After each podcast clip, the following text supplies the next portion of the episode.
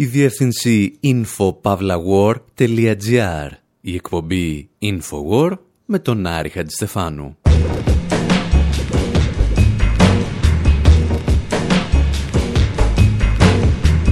όπου σήμερα παρακολουθούμε τον Ντόναλτ Τραμπ να καταβροχθίζει τα μπισκοτάκια του Cookie Monster, του μπλε τέρατος από την τηλεοπτική σειρά Sesame Street.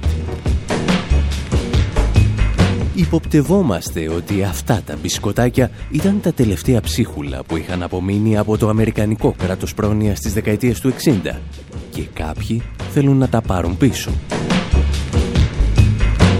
Γνωριζόμαστε με κουκλάκια φορείς του ιού HIV που θέλουν να αγκαλιάσουν τον Bill Clinton. Ευχόμαστε βίον ανθόσπαρτον στον Μπέρτ και τον Έρνη που πάντα υποπτευόμασταν ότι ήταν κάτι περισσότερο από φίλοι αφού κοιμούνται μαζί εδώ και σχεδόν μισό αιώνα. Και επειδή όλα αυτά είναι αρκούντος ακατάληπτα, καλό είναι να βάλουμε τα πράγματα σε μία σειρά. Κυρίες και κύριοι, ξεκινάμε με το μπλε τέρας. Now what starts with C? Cookie starts with C. Let's think of other things that starts with C. Uh, ah, who cares about other things? C is for cookie. That's good enough for me. C is for cookie. That's good enough for me. C is for cookie, that's good enough for me. Oh, cookie, cookie, cookie starts with C. Oh, C is for cookie, that's good enough for me. C is for cookie, that's good enough for me. C is for cookie, that's good enough for me. Oh, cookie, cookie, cookie starts with C. Hey, you know what? A round cookie with one bite out of it looks like a C. A round donut with one bite out of it also looks like a C, but it is not as good as a cookie. Oh, the moon sometimes looks like a C, but you can't eat that. So, C is for cookie, that's good enough for me. Yeah, C is for cookie, that's good enough for me. C is for cookie, that's good enough for me. Oh, cookie, cookie, cookie starts with C. Yeah! Το μπλε τέρας της Αμερικανικής εκπαιδευτικής τηλεόρασης τραγουδά C is for cookies. Το κομμάτι δηλαδή που το καθιέρωσε ως έναν από τους πρωταγωνιστές τους Sesame Street. Για την ιστορία, το βίντεο του συγκεκριμένου τραγουδιού ήταν ένα από τα ελάχιστα που σκηνοθέτησε ο ίδιος ο Jim Henson, ο δημιουργός των Muppets. Και ήταν βέβαιο ότι το τέρας με τα μπισκοτάκια χρειαζόταν ιδιαίτερη προσοχή στα γυρίσματα αφού όποιος έμπλεκε μαζί του έχανε τα λογικά του και άρχιζε να μιλά σαν παράγοντας του εδεσαϊκού. Εδώ, στην ελληνική εκδοχή της σειράς που άκουγε στο όνομα «Σουσάμι Άνοιξε», το τέρας είχε μόλις φάει όλα τα μπισκότα αλλά και τα πιάτα του Έρνη. Το βλέπετε αυτό το πιάτο. Είναι τελείως άδειο. Αυτό είναι τελείως άδειο. Και αυτό το πιάτο εδώ στη μέση είναι επίσης τελείως άδειο. Και αυτά τα πιάτα όλα και τα τρία είναι άδεια. Πώς έγινε, τι, τι έγινε; Α, το είναι το πιάτο αυτός. Έφαγες ένα πιάτο. Σίγουρα έφαγες και τα γλυκά. Έφαγες τα γλυκά. Έφαγες τα γλυκά που δεν ήταν δικά σου. Έφαγες και αυτά που τέριαζαν και αυτά που δεν τέριαζαν μεταξύ τους. Πώς λοιπόν εγώ θα εξηγήσω ποιο πράγμα ταιριάζει με τι όταν τρώ τα γλυκά και μόλις βρω ότι ένα πιάτο ταιριάζει με το άλλο, εσύ το αδειάζεις και μετά δεν μπορώ να βρω με τι ταιριάζει και ξαναρχίζω από την αρχή να εξηγώ. Γιατί το ένα ταιριάζει με το άλλο. Αλλά εκείνο που μπορώ να πω με μεγάλη ευκολία είναι ότι δεν ταιριάζει με τίποτα αυτή. Και εγώ ακ, ακ, Ο Κούχι Μάνστερ απασχολούνταν αρχικά στον ιδιωτικό τομέα, αφού ο δημιουργός του, ο Τζιμ Χένσον, τον έφτιαξε για να συμμετέχει σε διαφημιστικά σποτάκια της εταιρείας General Foods. Στον ιδιωτικό τομέα όμως φαίνεται ότι θα τελειώσει και την καριέρα του, το μπλε τέρας. Σχετικά πρόσφατα για να βγάλει τα προστοζήν συμμετείχε σε διαφημιστικά μηνύματα της Apple. Προσπαθούσε να χρησιμοποιήσει το πρόγραμμα φωνητικών εντολών ενός iPhone, την περίφημη Siri, για να δει, λέει, πόση ώρα χρειάζεται να ψήσει τα μπισκοτάκια του στο φούρνο. Siri, you in there? Hey, Cookie Monster. You know me! She know me! Me gonna give you a cookie, Siri. Who's saying that? Was that Siri?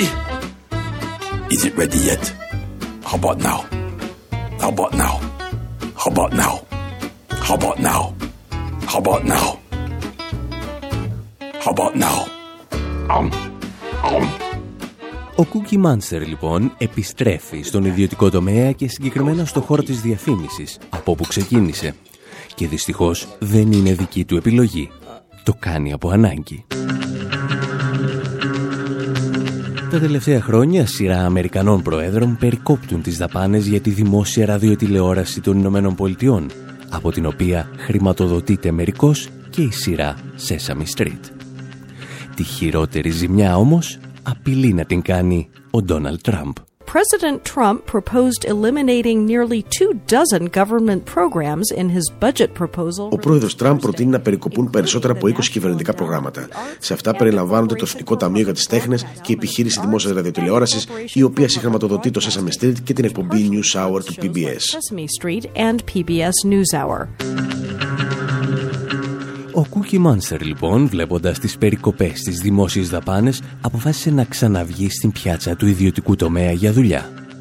Και το ερώτημα είναι, τι του έφτεξε του Ντόναλτ Τραμπ το συμπαθές τερατάκι και θέλει να το εξαφανίσει μαζί με τους υπόλοιπους ήρωες του Sesame Street; I'm Donald Grump, and I have more trash than all of you. So, yeah, yeah, yeah, yeah, yeah, yeah, yeah, yeah, yeah. Η αλήθεια είναι ότι οι δημιουργοί της σειράς δεν είχαν αφήσει τον Τραμπ σε χλώρο κλαρί.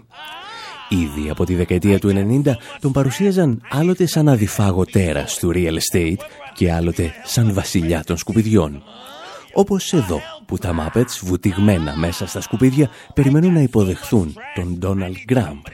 Πάντα με ένα τραγούδι. Who's got more trash than anyone does? Grump, grump, grump. Who has the best rubbish and scuzz? Grump, grump, grump. He's got so much trash it spills out of his can. And that is why we are his biggest fans. Oh, there he. He's coming. Here he comes. Who's got more trash than any of yous? Grump, grump, grump. Who has the finest garbage and goo? Grump, grump, grump. That's right. His trash is more trashy. It's fished in the boat. No, no wonder the grump can't help but booze. Whose meat equals trash to you and to me? Who do you wish you all could? O Trump. Εδώ ως Γκραμπ, εμφανίστηκε σαν κούκλα σε τουλάχιστον τρία επεισόδια της σειράς και προφανώς είχε πολλά μαζεμένα στους δημιουργούς της σειράς. Το να υποθέσουμε όμως ότι τώρα περικόπτει τις δαπάνες της δημόσιας ραδιοτηλεόρασης για αυτό το λόγο θα ήταν ελαφρώς απλουστευτικό. Ακόμη και αν μιλάμε για έναν ηλικιωμένο με μυαλό πεντάχρονο. We are his biggest fans; Γιατί αυτό που στην πραγματικότητα επιχειρεί ο νέος πρόεδρος των Ηνωμένων Πολιτειών είναι να εκτελέσει την ίδια εντολή που λαμβάνει κάθε Αμερικανός πρόεδρος από την οικονομική ελίτ της χώρας του. Ήδη από τα χρόνια του Τζίμι Κάρτερ. Να εξαφανίσει δηλαδή και τα τελευταία ίχνη του κράτους πρόνοιας της δεκαετίας του 60. Equals trash to you and to me. Εμείς σκεφτήκαμε να παρακολουθήσουμε αυτή τη μάχη μέσα από την ιστορία της σειράς Sesame Street και θα το κάνουμε ύστερα από ένα συντομότατο μουσικό διάλειμμα με ένα δάνειο από το Muppet Show.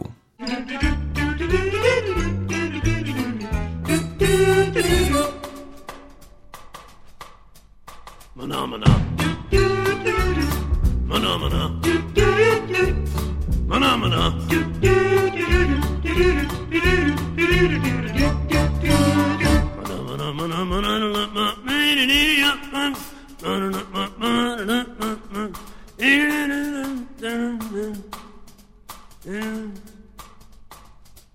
Mana mana. Mana mana. Mana mana.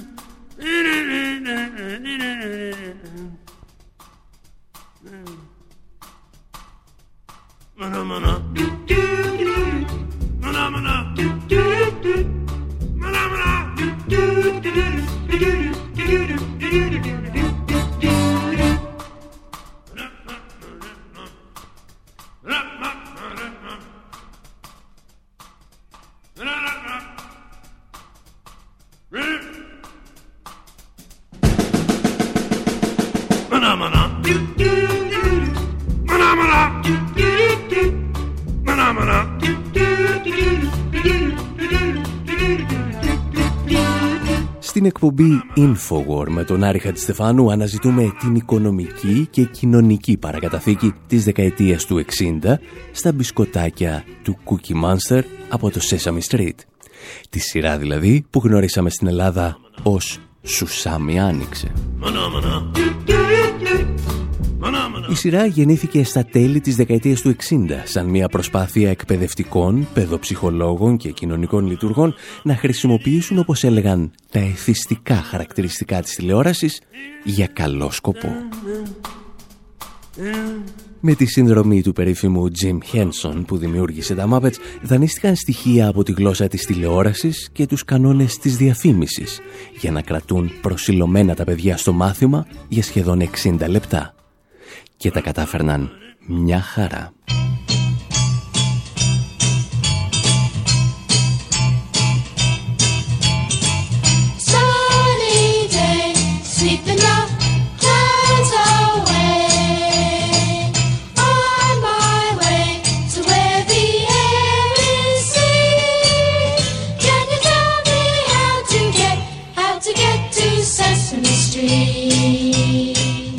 Σειρά απευθυνόταν συχνά στα παιδιά φτωχών οικογενειών που αντιμετώπιζαν προβλήματα ένταξης στο σχολικό περιβάλλον, αλλά και στις μειονότητες μαύρων και ισπανόφωνων που γνώριζαν το ρατσισμό στις σχολικές αίθουσες αλλά και στις γειτονιές που ζούσαν.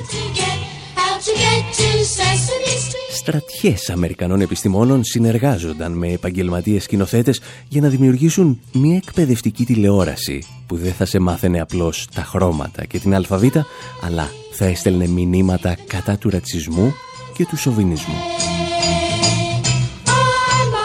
Έτσι δημιουργήθηκαν και ορισμένες χαρακτηριστικές περσόνες της σειράς, αλλά και ορισμένα από τα πιο γνωστά τραγούδια.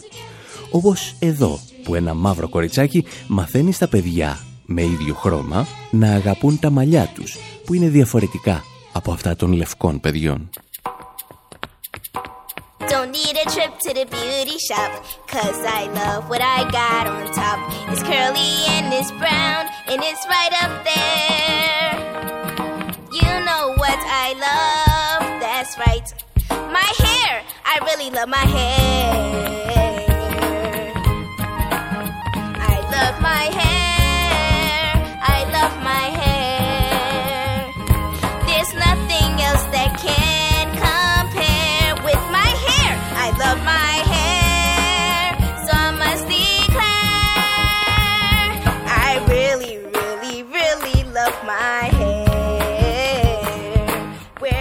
Sesame Street έφτασε σύντομα να εκπροσωπεί όσα απεχθάνονταν η αντιδραστική Αμερική των Νότιων Πολιτειών.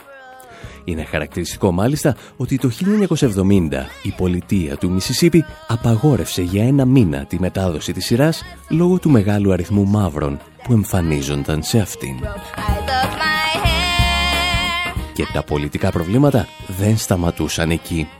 Καθώς η σειρά μεταφερόταν σε δεκάδες χώρες σε όλο τον κόσμο, οι τοπικοί παραγωγοί βρέθηκαν πολλές φορές αντιμέτωποι με σημαντικά πολιτικά και κοινωνικά προβλήματα. Και ίσως το χαρακτηριστικότερο παράδειγμα να μας έρχεται από την Νότια Αφρική. In the South African version of Sesame Street, a new character was introduced named Kami, the HIV-positive Muppets. Στην νοτιοαφρικανική εκδοχή του Sesame Street εμφανίστηκε ένας νέος χαρακτήρας. Λέγονταν Κάμι και ήταν μια κούκλα θετική στον ιό HIV. Αρκετοί γονείς ήταν επικριτικοί και κάποιοι εξοργίστηκαν θεωρώντας ότι το θέαμα ήταν πολύ βαρύ για τα παιδιά. Κάποιοι μάλιστα υποστήριξαν ότι προωθούσε, όπως έλεγαν, τις θέσεις των ομοφυλόφιλων. Ήταν η εποχή της έξαρσης του AIDS. Αργότερα μάθαμε ότι η Κάμι γεννήθηκε ως φορέας του HIV και πως η μητέρα της είχε πεθάνει από AIDS.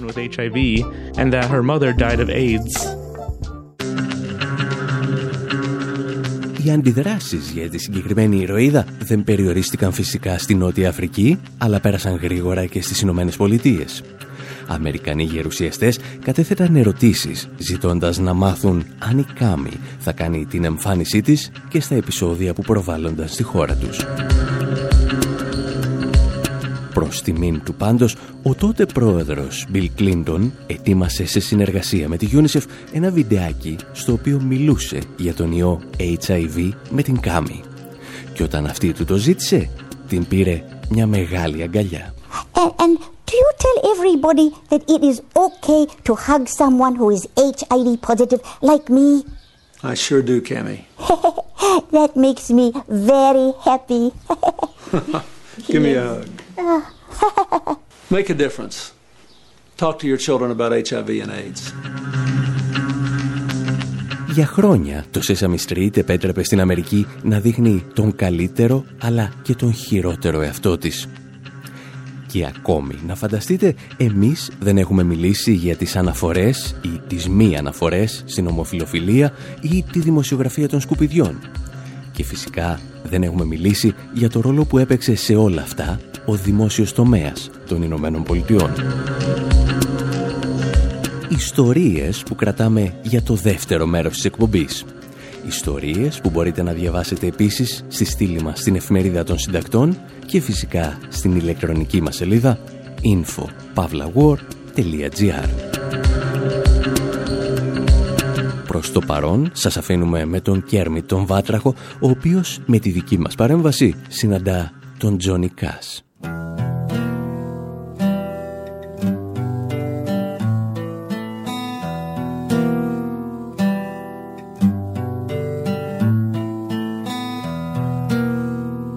I hurt myself today to see if I still feel. I focus on the pain, the only thing that's real. The needle tears a hole the old familiar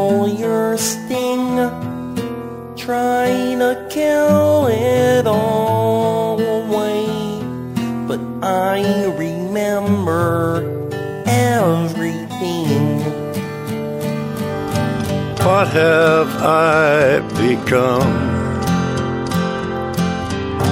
My sweetest friend. Everyone I know goes away in the end. And you could have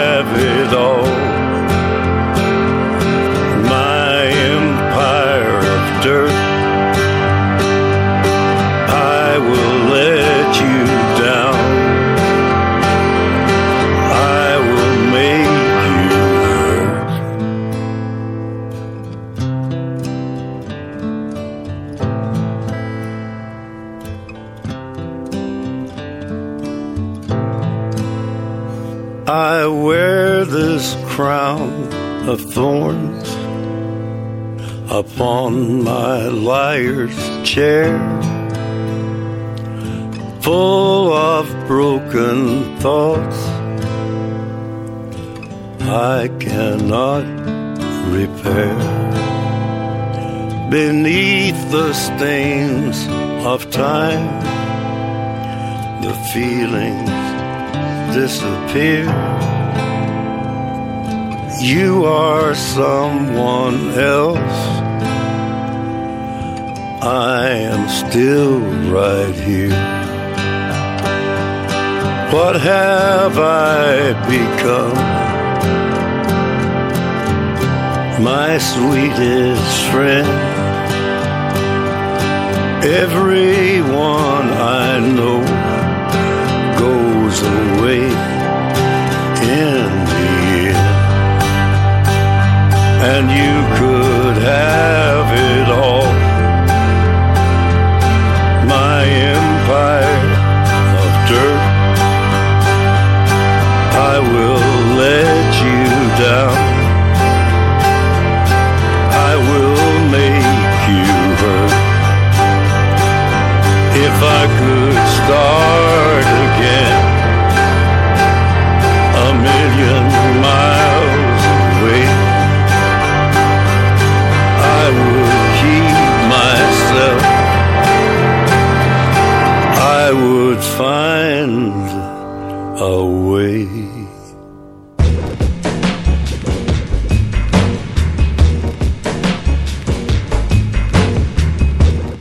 Infowar, μέρος δεύτερο.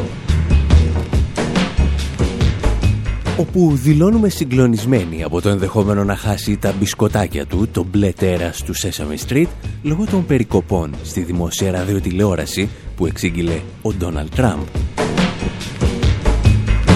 Παρακολουθούμε την πορεία της αμερικανικής κοινωνίας και οικονομίας μέσα από τον σχεδόν μισό αιώνα παρουσίας της συγκεκριμένης παιδικής σειράς.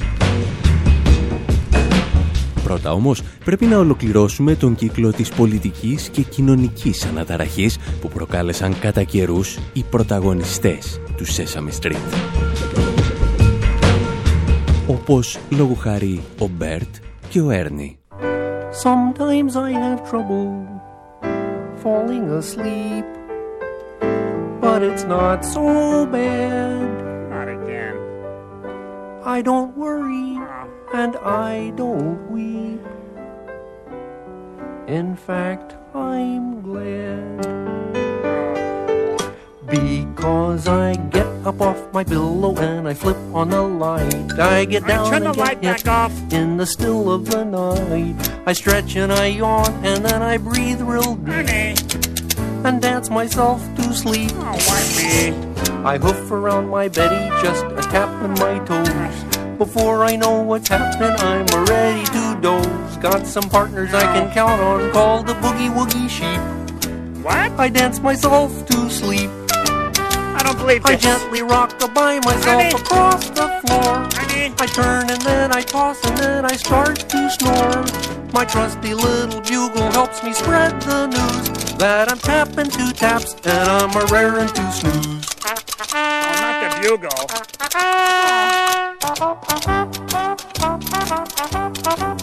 Honey. Those sheep were tap dancing. Oh, why me? Oh, that's nothing, Bert. Wait till you see Rubber Ducky play the bugle. What's this Rubber Ducky? He's a boogie woogie bugle duck of Sesame Street. Σε ένα από τα παλαιότερα σκετσάκια του, ο Έρνη έχει αϋπνίες και ξυπνά τον Μπέρτ με τα τραγούδια του. Ο Μπέρτ, αν δεν θυμάστε, είναι ο κίτρινος τύπος με το ενιαίο μαύρο φρύδι, σε στυλ Φρίντα Κάλο. My chum, time to shuffle off to dreamland. Το ζήτημα βέβαια δεν είναι γιατί ο Έρνη ξυπνά τον Μπέρτ, αλλά τι δουλειά έχει να κοιμάται κάθε βράδυ μαζί του. Κοτζάμ μαντράχαλος. Jammies, we'll dance ourselves to Με αυτά και με αυτά, αρκετοί άρχισαν να υποψιάζονται ότι είναι κάτι περισσότερο από φίλοι. Για την ακρίβεια, οι δύο κούκλες έφτασαν να γίνουν σύμβολα της ΛΟΑΤ κοινότητας των Ηνωμένων Πολιτειών. Και το CNN δεν έχασε φυσικά ευκαιρία να διερευνήσει με σοβαρότητα το θέμα. Do Bert and Ernie have a secret?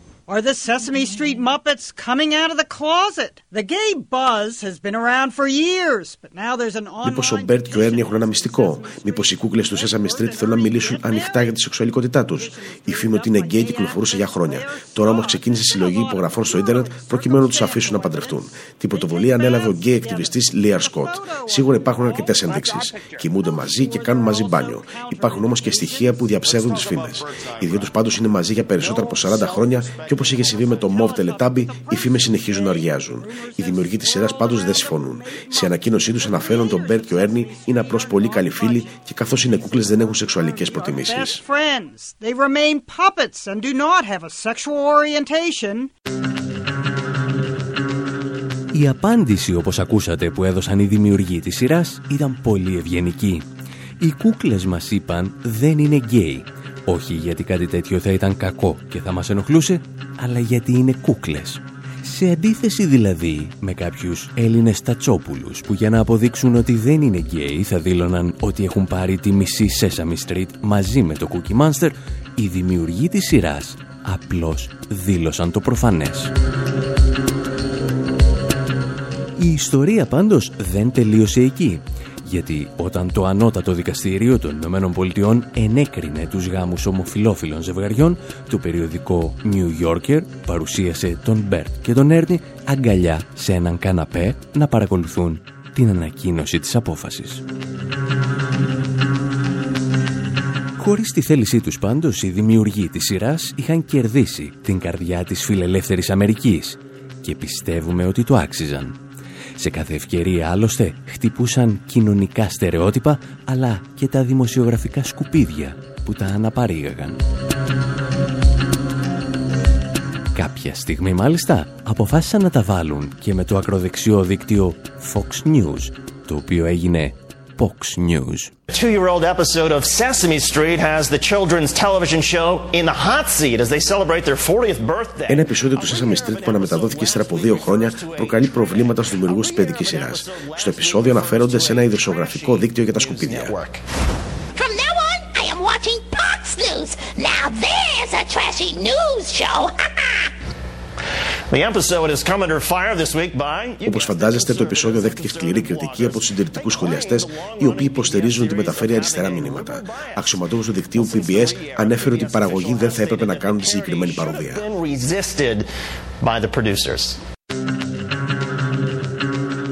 Όπως ήταν φυσικό, το Fox News αντέδρασε άμεσα. Ορισμένοι δημοσιογράφοι μάλιστα έκτοτε χαρακτηρίζουν το Sesame Street σαν αριστερή κομμουνιστική διατριβή. Μια θέση τόσο γελία που θα έκανε και όσους μιλούν για κυριαρχία της αριστεράς στην ελληνική μεταπολίτευση να μοιάζουν στοιχειοδός ευφύης. The, the left-wing communist oh, communist. diatribe they put out every single day. I didn't know about Το Sesame Street λοιπόν ήταν μια στοιχειοδός προοδευτική φωνή σε μια Αμερική που έστρεβε το πιδάλιο συνεχώς προς τα δεξιά, αφήνοντας μόνο ορισμένους δικαιωματικούς να την πασπαλίζουν με μικρές δόσεις πολιτικής ορθότητας. Ήταν μήπως όλα αυτά που ενόχλησαν τον Ντόναλτ Τραμπ και αποφάσισε να κόψει τη χρηματοδότηση της δημόσιας ραδιοτηλεόρασης απειλώντας να στερήσει τα μπισκοτάκια από το Cookie Monster; Η απάντηση είναι σε καμία περίπτωση. Το Sesame Street πληρώνει πολύ βαθύτερες διεργασίες και εντολές που δεν έρχονται από το Λευκό Οίκο, αλλά απευθείας από την οικονομική ελίτ των Ηνωμένων Πολιτειών. Αυτά όμως θα τα συζητήσουμε σε λίγο, αφού αφήσουμε το τέρας με τα μπισκοτάκια να ισορροπεί ανάμεσα στη δεκαετία του 60 και το σήμερα με ρυθμούς δίσκο.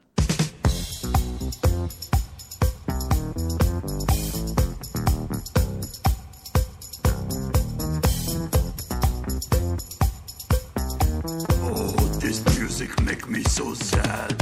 How can it make you sad, Cookie Monster? Oh, because me tried to get with it and hustle down to disco for good time, but it all go bad. Ah, oh, come on, how bad could it be? But you said me tell you whole Jeru story.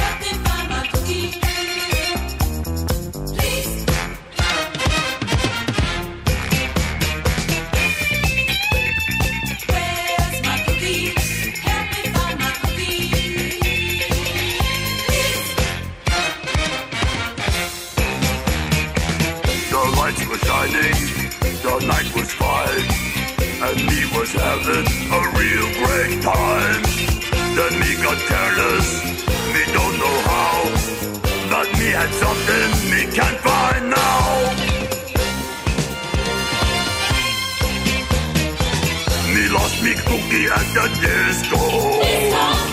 Me lost me cookie in the boogie music.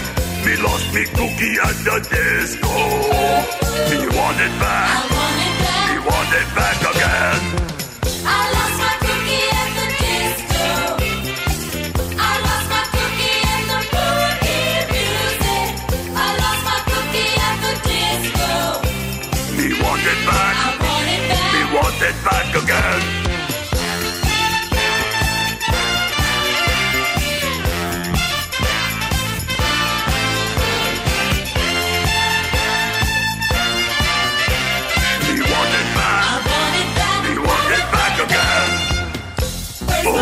Me not sure how it happened, but me took me favorite cookie with me to the disco. Let me find my cookie. Please. Me lost cookie. Oh, yeah. The mood exciting. The music loud. Me just a part of that happy crowd. Me feet go crazy across the floor. But suddenly my sweetie not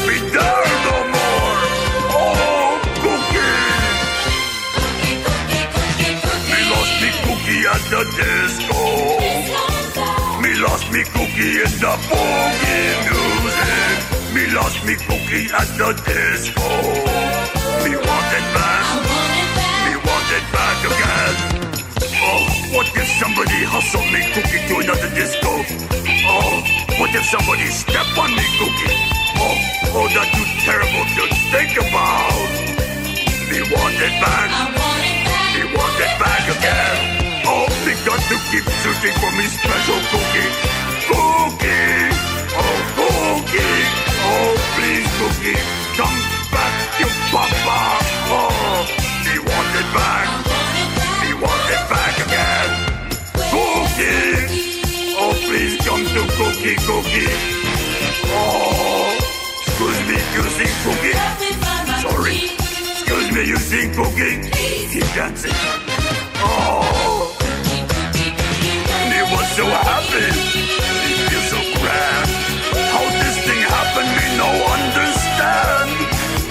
I'll get back. So how me know? Me maybe never find out where me cookie go. Oh, cookie. Me lost me cookie at the disco. Me lost me cookie in the boogie music. Me lost me cookie at the disco.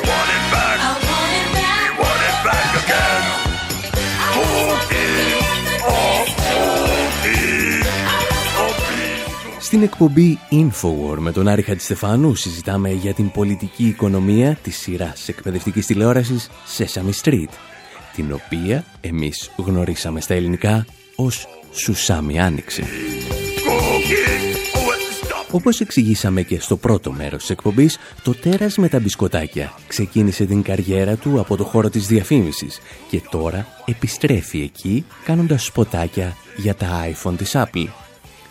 Ο ίδιος όμως γνωρίζει ότι οφείλει τη δημοτικότητά του στο δημόσιο και συγκεκριμένα στην Αμερικανική Ομοσπονδιακή Κυβέρνηση. Η αλήθεια βέβαια είναι ότι η σειρά Sesame Street δεν χρηματοδοτούνταν ποτέ αποκλειστικά από την Αμερικανική κυβέρνηση. Για την ακρίβεια ήταν αυτό που σήμερα θα αποκαλούσαμε ΣΔΙΤ, σύμπραξη δηλαδή δημοσίου και ιδιωτικού τομέα. Γιατί εκτός από το αμερικανικό δημόσιο εισέρεαν και δωρεές από ιδρύματα όπως το Ford Foundation. Επειδή όμως για αρκετές δεκαετίες η σειρά δεν εξαρτιόταν από διαφημίσεις ιδιωτικών εταιριών, κατάφερε να διατηρήσει διαφορετικό επίπεδο. Ήταν και αυτή ένα παιδί του κράτους πρόνοιας που δημιουργήθηκε στην Αμερική της δεκαετίας του 60. Και είναι ακριβώς αυτά τα παιδιά που επιχειρεί να εξοντώσει σήμερα ο Ντόναλτ Τραμπ.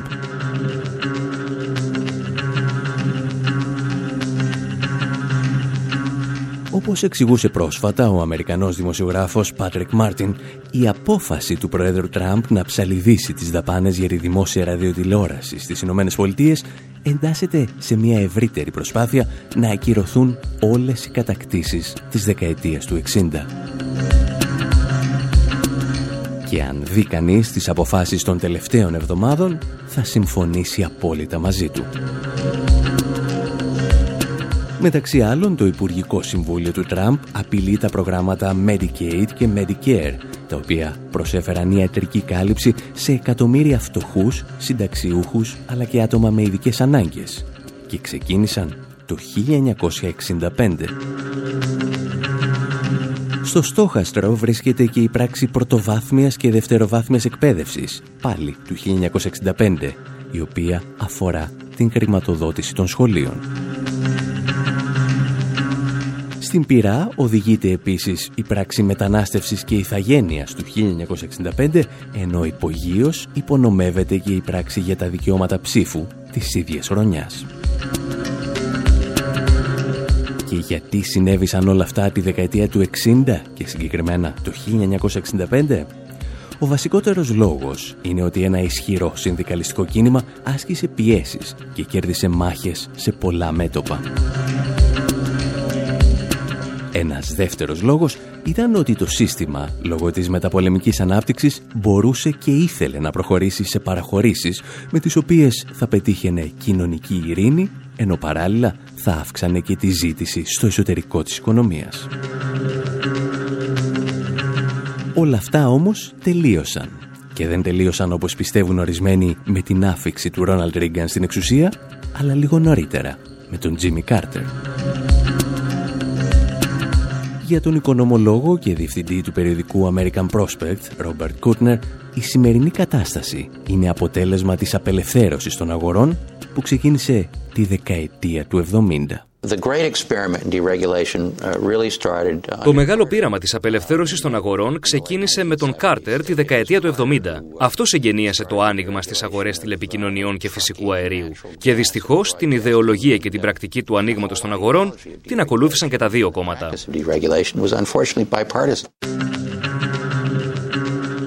Σύμφωνα με τον Κούτνερ, η απελευθέρωση των αγορών έφερε την Αμερικανική οικονομία στην κατάσταση που βρισκόταν πριν από την μεγάλη ύφεση της δεκαετίας του 30. This did not just happen. This was not an accident. Τέτοιες κρίσεις δεν συμβαίνουν τυχαία. Είναι αποτέλεσμα της πολιτικής μεγάλων επιχειρήσεων και της Wall Street και έχουν ιστορία 30 χρόνων. Εάν δείτε την ιστορία, θα καταλάβετε ότι μετά τη μεγάλη ύφεση της δεκαετίας του 30, η ιδεολογία της ελεύθερης αγοράς έπεσε σε ανυποληψία, γιατί απέτυχε παταγωδός. Κανένας δεν έλεγε τότε ότι η ελεύθερη αγορά δούλεψε σωστά, χωρίς να ντρέπεται. Ακολούθησε λοιπόν ένα σύστημα μεικτής οικονομίας με παρεμβατική δομή που στηρίχθηκε στις ρυθμίσεις του New Deal. Από τη δεκαετία του 70 όμως, οι μεγάλες επιχειρήσεις επανέκτησαν την πολιτική τους ισχύ. Τώρα λοιπόν μαθαίνουμε και πάλι με οδυνηρό τρόπο ότι οι ελεύθερες αγορές δεν μπορούν να ρυθμίσουν τον εαυτό τους. Εάν αφαιθούν ελεύθερες, δημιουργούν τεράστιες ανισότητες και καταστρέφουν την οικονομία αλλά και το περιβάλλον. Και αυτό συμβαίνει τώρα.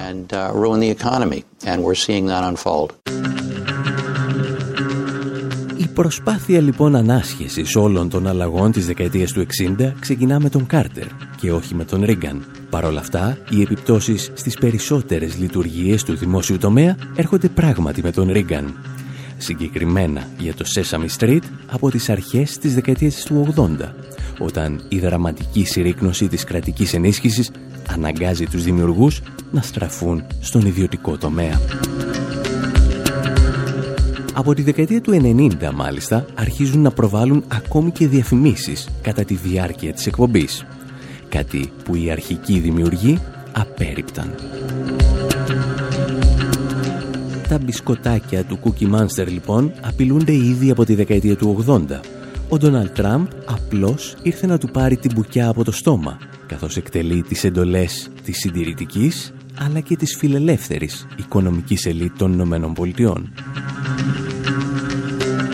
Εμείς πάλι κάπου εδώ απλώς φτάσαμε στο τέλος μίας ακόμη εκπομπής. Να μας θυμάστε και να μας επισκέπτεστε και στη διεύθυνση info.pavlawar.gr Μέχρι την επόμενη εβδομάδα πάντως, από τον Άρη Χατζηστεφάνου στο μικρόφωνο και τον Δημήτρη Σαθόπουλο στην τεχνική επιμέλεια, γεια σας και χαρά σας.